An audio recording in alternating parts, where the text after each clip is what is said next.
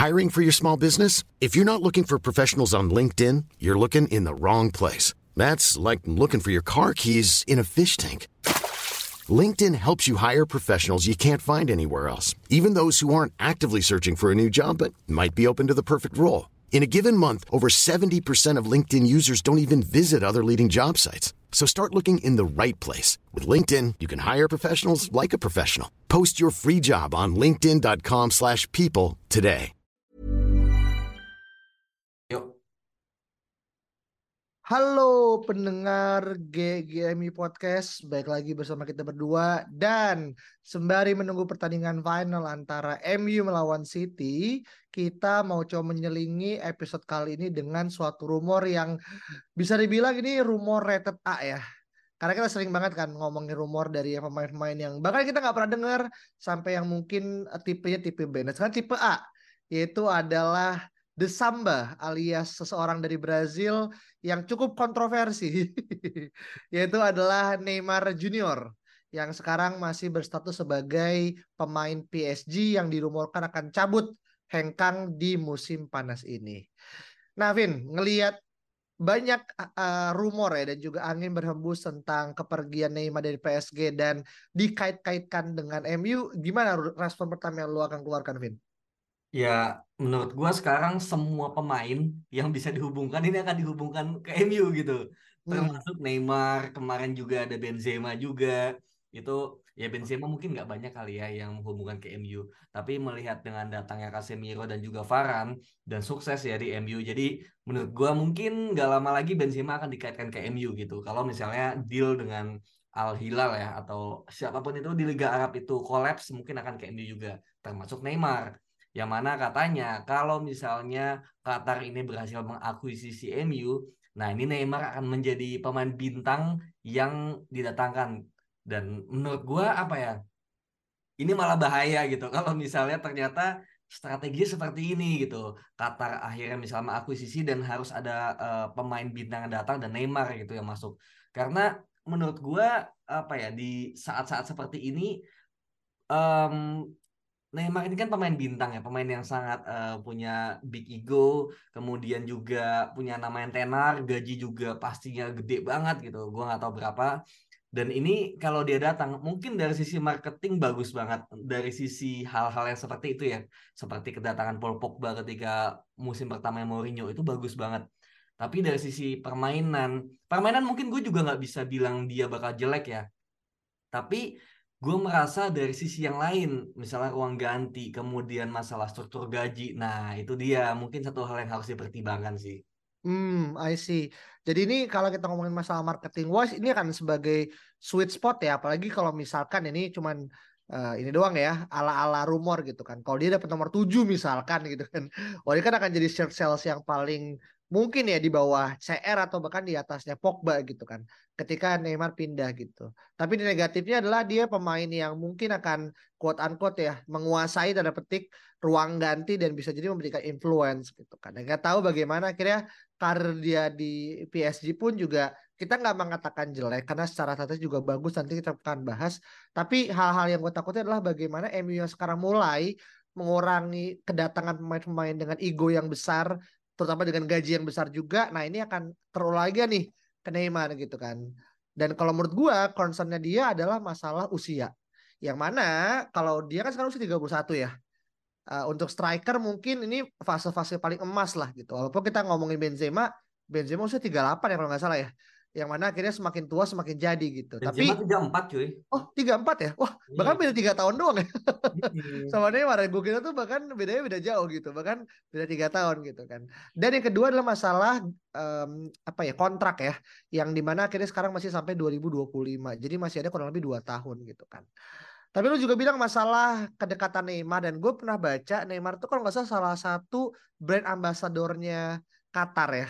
Entah secara general ataupun dalam sepak bola tapi ini adalah uh, sisi yang positif gitu. Nah, pertanyaan gue adalah kalaupun akan Neymar jadi, ini adalah suatu hal yang memang Ten Hag inginkan dan kalau inginkan tolong beritahu kita bagaimana Neymar bisa fit in dengan strategi atau pure ini lebih kepada hal yang sifatnya marketing dan memang akhirnya bonus dari keberadaan Qatar yang akhirnya pengen ngebawa MU ke level yang sesungguhnya gitu. Hmm, iya. Gua mungkin melihat ya kalau misalnya Neymar bisa diubah sedikit dan kita juga melihat bahwa Ten Hag ini ternyata musim depan dengan uh, dikaitkannya ya rumornya sangat kencang dengan Mason Mount dan juga dulu dengan uh, McAllister. Gue melihat mungkin ini uh, kita bakal menggunakan formasi double eight ya atau double ten ya.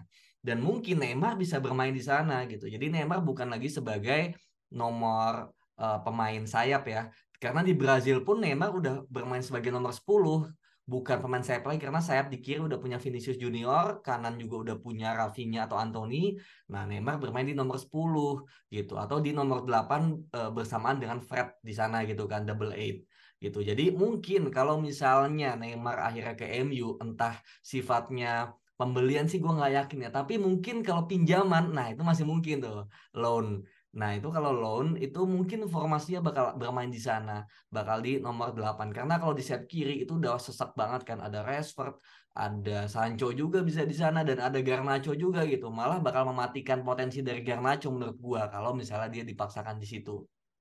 Jadi kalaupun bermain mungkin nantinya bakal bermain di nomor 8 di sisi yang kiri gitu. Nanti di sisi kanannya diisi sama Bruno Fernandes.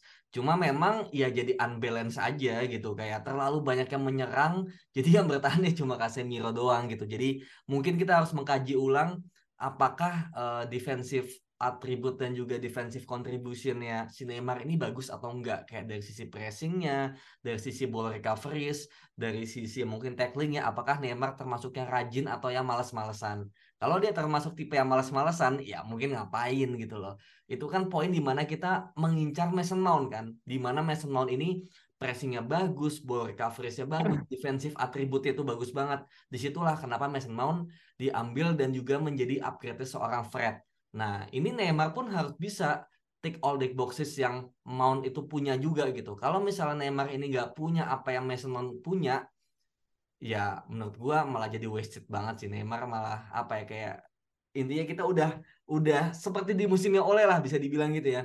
Kita udah beli Sancho, beli Varane, tinggal harusnya kita beli gelandang kita malah beli Ronaldo gitu. Yang mana kayak aja lu udah nggak butuh main gitu lu udah ada Cavani Martial.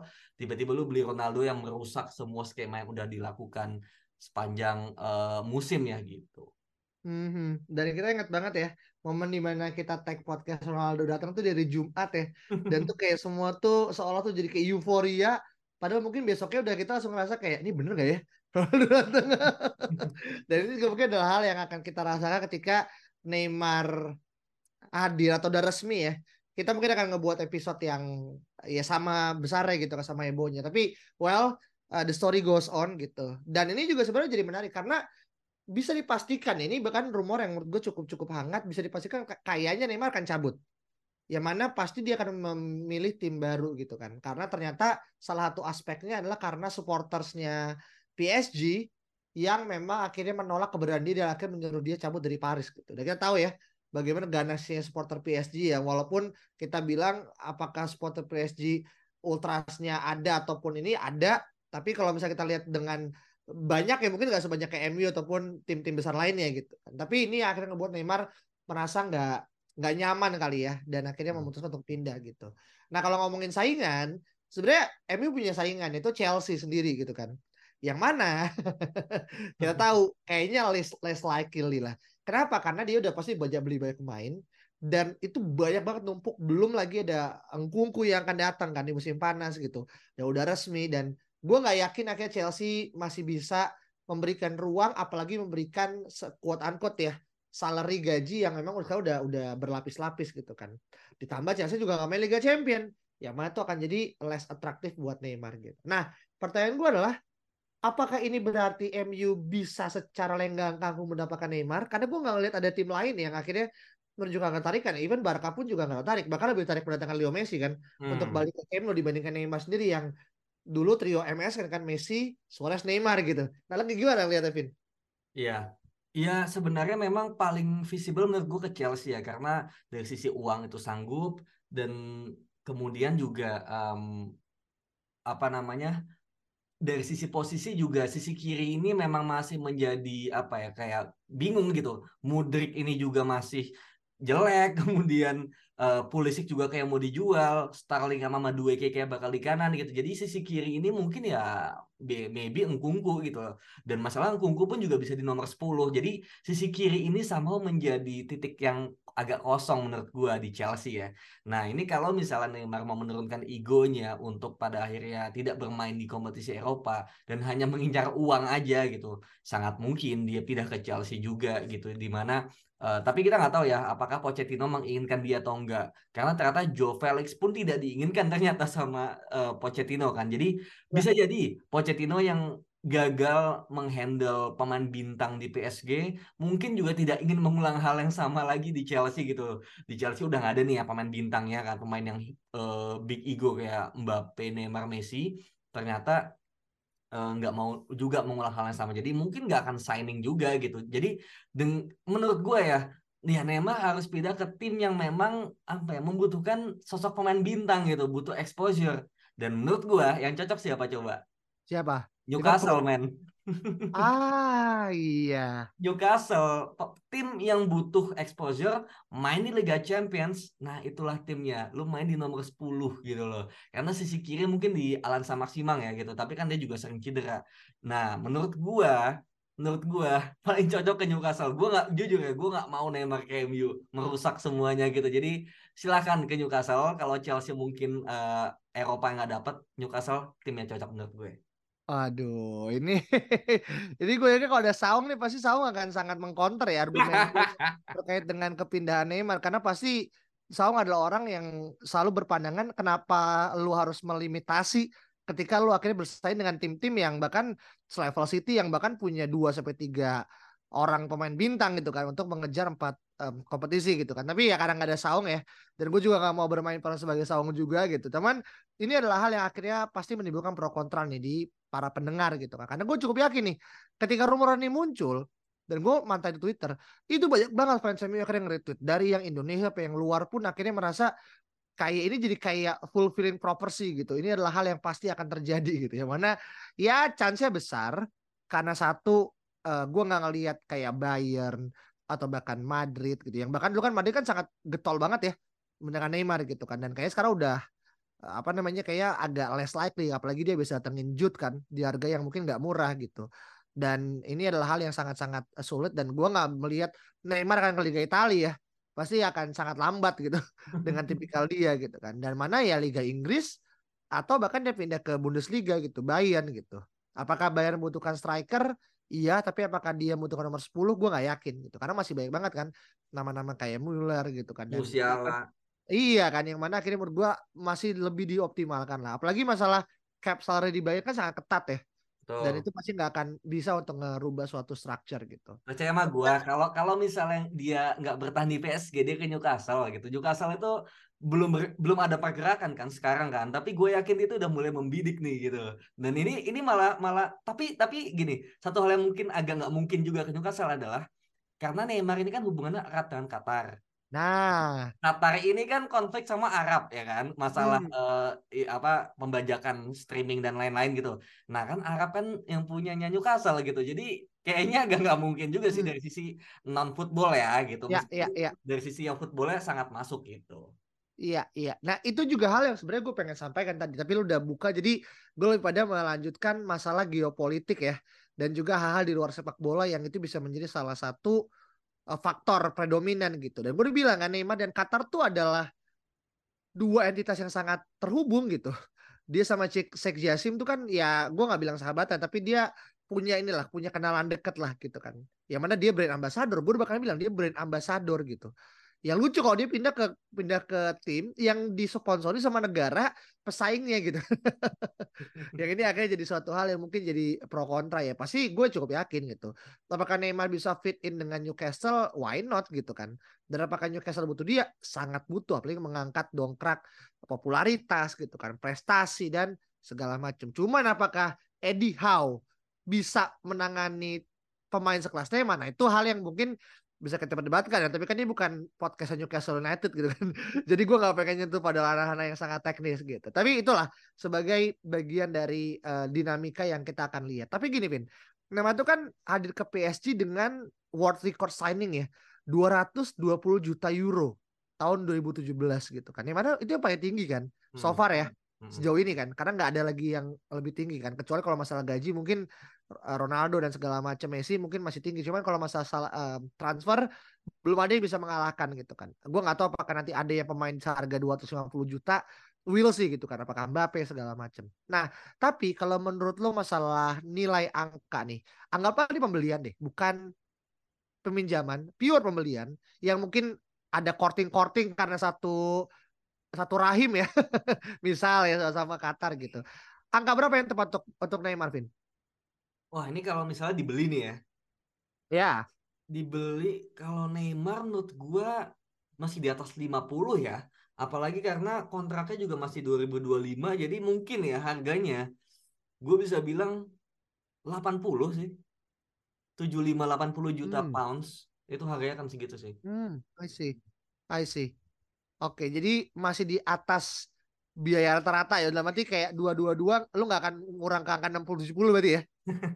Iya iya iya dua dua dua itu kan pada saat itu ya ketika memang karirnya juga masih bagus banget gitu. Sekarang kan udah sering cedera, udah di PSG juga gitu-gitu aja gitu dan usia juga kontrak tinggal 2 tahun tapi ya dua tahun itu menurut gua udah di bawah 100 tapi nggak nyampe 50 juga, tengah-tengah antara 50 dan 100 sih menurut gua. Dan eh, di di apa transfer market juga current market value juga di 70 kan. Jadi memang pasti di kisaran segitu. I see. Dan ini gue membayangkan karena ada juga pemilikan yang sama. Jadi kayak lu ngeluarin uang dari kantong satu dan masuk ke kantong dua gitu. Makanya uang negara kan jadinya kayak Iya. dulu lagi gitu. Bener, bener. Jadi ini menurut gue jadi kayak lucu gitu. Karena uangnya dimiliki sama satu orang gitu. Iya, satu orang tuh berarti entitas ya, bukan arti literat. Cuman ini yang jadi lucu gitu. Karena kalau pun akhirnya nanti ada ada perpindahan misalkan PSG, PSG gitu. Ya bisa jadi ya uangnya cuma muter-muter doang gitu. Dan nggak akan ke mana-mana juga gitu kan. Kasarnya tetap dalam satu kantong yang sama gitu. Tapi gini Vin, eh, lu ngelihat misalkan nih eh, Neymar jadi, dia bisa gak sih jadi nomor 9 kita? Wah, dan bisa kita kita nggak kita nggak ngekontak Osimhen kita nggak ngekontak Vlahovic atau Kane dan kita dapat Neymar gitu as in dengan segala konteks konteks ya lu bisa nggak lihat Neymar sebagai nomor 9 Insa nomor 10 Hmm, sebenarnya kalau yang gue lihat ya, Neymar itu bagus di eh, creativity sebetulnya gitu. Jadi dia ini sebenarnya adalah tipe yang mirip sama Kevin De Bruyne dengan dan Bruno Fernandes juga. Dan dia kan tipenya roaming juga. Jadi kalau misalnya dia dilimitasi di depan untuk mencetak gol doang gitu.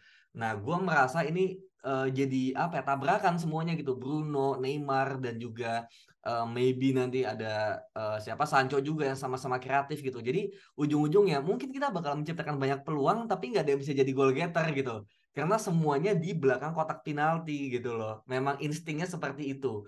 Bruno aja yang kita pikir awalnya bisa jadi false nine gitu-gitu ternyata nggak bisa men gitu. Neymar pun gue nggak pernah melihat dia bermain di sana gitu loh sebagai penyerang atau sebagai false nine gitu. Mungkin mungkin bisa tapi sifatnya bukan sebagai goal getter gitu. Dia tetap dari uh, starting pointnya tuh dari sayap atau dari tengah gitu. Yang mana untuk menjadi penyerang menurut gua bukan itu yang kita butuhkan. Yang kita butuhkan sekarang benar-benar goal getter karena menciptakan peluang kita udah bisa gitu. Tinggal yang menyelesaikannya aja dan gua tidak berpikir Neymar akan mungkin sesekali bisa ya golin gitu kalau misalnya di nomor 9 tapi apakah itu akan sustain? Gua nggak yakin. Oke, berarti yang gue tangkap nih adalah lu ngelihat bahwasanya sosok Neymar nih bukan pengganti atau bahkan orang yang tepat nomor 9 karena point of view yang jadi positif Neymar adalah tentang kreativitas gitu kan. Nah, berarti ketika kayak gini, lu ngelihat Neymar kalau by tire buying, berarti kan ini second tire ya. Dalam arti bukan tire pertama. Dan gue tadi kan bahkan lu udah bilang, lu state kalau lu nggak suka atau against dengan keberadaan Neymar. Tapi gue nggak tahu nih, lu lebih milih De Gea nggak jadi nomor satu atau Neymar nggak datang itu mungkin dilema yang sangat tinggi gitu karena lo harus memilih gitu kan tapi gini Vin um, selain daripada prosnya Neymar uh, ini kan ada konse yang mana kita sering tahu ya Neymar tuh selalu cedera ketika adiknya tuh ulang tahun gitu. Dan itu kan terjadi kan ketika akhirnya kita ngelawan PSG pas zamannya Ole ya tahun berapa tuh 2016 ya di mana kita menang uh, dramatis kan lolos ke tahapan 16 besar kalau nggak salah ya sebelum kita kalah sama Barcelona kan. Hmm. itu kan lawan eh iya 16 apa 8 besar ya? 8 besar 16 nya ketemu sama PSG dan Neymar nggak nggak datang dan itu kejadiannya ketika apa adanya Neymar ulang tahun gitu. Kadang lo ngelihat faktor-faktor kayak gini akan akan menjadi semacam kayak hal-hal yang dikonsider nggak sih Vin? Terutama kan pasti MU sangat-sangat uh, ketat ya dan kita tahu pemain-pemain yang uh, sedikit banyak memiliki fatik yang kurang gitu kayak Van de Beek atau mungkin kayak siapa pun lah ya yang sekarang ada itu kan jadi suatu hal yang nanti ketika dia masuk lagi dan udah sembuh bisa menembus tim utama kan sangat sulit nih. Nah, lu ngeliat Neymar gimana seperti untuk dalam konteks ini? Iya, ya makanya gitu hal-hal yang non teknis kayak gitu gue nggak mau terjadi lagi di MU gitu. Masalah cedera kan udah ada Martial, Sabitzer gitu, kemudian uh, siapa lagi? Gue nggak tahu. Ya dua itulah yang paling parah kan. Kalau Van de Beek kan memang suwe aja kemarin. Kemudian juga maybe Erikson ya. Dan kalau misalnya di uh, Neymar gitu tuh banyak hal-hal non teknis gitu yang bisa mempengaruhi. Apalagi dia juga bisa dibilang di masa lalu drama king ya gitu. Jadi kayak gue sempat lihat di Piala Dunia 2018 gitu kayak dia cuma disenggol doang dia langsung kesakitan megangin kaki gitu. Itu kan hal hal-hal yang sebenarnya kita benci dari sisi sportivitas. Apalagi MU tidak ingin apa ya kayak nge-brandingnya tidak ingin punya pemain yang seperti itu gitu loh. Sekarang Ten Hag ingin punya pemain muda, pemain yang energik, yang bisa diandalkan, yang nurut sama pelatih juga. Jadi I don't think gitu loh. I don't think Neymar ini adalah good move sih gitu apa pun itu alasannya mau dia bagus ya oke bagus gitu tapi menurut gua bukan itu yang dibutuhkan tapi lebih kepada karakter juga gitu yang mana karakternya Neymar menurut gua nosy oke jadi personality dan karakter wise lu malah ngelihat kedatangan Neymar malah lebih banyak mudorotnya ya ketimbang yeah. ketimbang hal positif yang justru kita harapkan dari kedatangan pemain gitu kan nah ini pasti gue cukup yakin ya episode kali ini akan ngebelah penonton eh pendengar kita ke dalam dua gitu kan untuk terkait dengan pos pros dan juga cons. Terakhir 0 sampai 10 visibilitas eh dapat Neymar dia nggak berapa? Um, nah ini sebenarnya gue yakin Ten Hag nggak mau, tapi gue khawatir kalau misalnya Qatar beneran yang dapat. Nah ini ada campur tangan nih gitu kan untuk apa ya statement. Jadi gue berasumsi masih bisa di angka 5 sih gitu kemungkinan realistis ya lima karena hmm. asumsi Qatar masuk gue takut dia bikin statement kayak udah pokoknya Ten Hag nurut sama gue gue pingin bikin satu statement dan ya Neymar akhirnya diboyong gitu kayak ya gue takut aja gitu. Tapi kalau pertanyaan lu tadi seberapa mungkin? Ya itu jadi mungkin gitu. Makanya gue bilang lima meskipun gue pengennya nol ya tapi melihat kemungkinannya kayak lima sih. Hmm oke. Okay. lima karena takutnya ada campur tangan orang-orang ketiga ya alias pemilik klub yang mana uh, justru akan membuat planet enak malah jadi rusak gitu kan. Dan kita lihat seberapa jauh rumor ini akan bertahan karena ternyata gue juga baru lihat nih ada satu sumber meskipun nggak banyak ya yang menyebutkan kalau Manchester City tertarik untuk bisa mendatangkan Neymar gitu kan. Nah, ini jadi seru nih ketika akhirnya dulu momennya Ronaldo yang mau ke City tiba-tiba tikung. Nah, apakah Neymar harus ke City dulu? baru akhirnya MU ngebuat suatu move. Nah ini kan ya akhirnya kita nggak mau dejavu ya hmm. dengan ada Ronaldo gitu kan. Nah, Jadi kalau, kita tunggu kalau apa? kalau City menurut gue bisa aja kenapa? Karena apa ya? City ini udah udah jadi sistemnya udah jadi pemain-pemainnya udah lengkap semua jadi tinggal kepingan-kepingan puzzle yang ya replacing someone with another else aja gitu loh kayak misalnya Gundogan cabut, Bernardo cabut gitu. Kan tengahnya kosong tuh ya di sebelahnya Kevin De Bruyne kan. Nah, yeah. ya udah lu add Neymar aja di situ sebagai apa ya kayak stop gap satu musim dua musim gitu kan. Hmm. gitu itu itu masih possible menurut gua jadi nantinya di formasi tiga empat dua satunya nah dua di belakang Halan itu Neymar sama KDB itu lebih make sense menurut gua gitu loh karena memang ya City udah jadi men gitu loh. Udah environmentnya udah jadi semua. Sedangkan kita ini core-nya aja masih dibangun. Dan Neymar tuh bukan core-nya lagi gitu loh menurut gua. Jadi kalau ke City itu dari sisi football wise itu lebih make sense ya. Terlepas dari gaji yang memang mahal kemudian mungkin nanti uh, apakah Pep benar-benar mau dia tabrakan apa nggak sama KDB nah itu kan mungkin another thing ya gitu. Tapi kalau ke City secara football wise dan juga taktikal itu lebih masuk menurut gua Hmm, oke. Okay. Menarik kita melihat siapa yang akan mendapatkan Neymar Indiana udah karena gue cukup yakin dia akan cabut Uh, tinggal nunggu siapa tim yang beruntung ya dan mungkin tim yang tidak beruntung mendapatkan Neymar gitu karena pasti ada pros and cons opportunity cost dan kalau teman-teman punya pendapat berbeda silakan langsung aja uh, balas uh, tuh ini di @ggmi podcast di Twitter dan jangan lupa untuk kasih bintang 5 dan follow kita di Spotify. Kita ketemu lagi pada episode berikut ya. Bye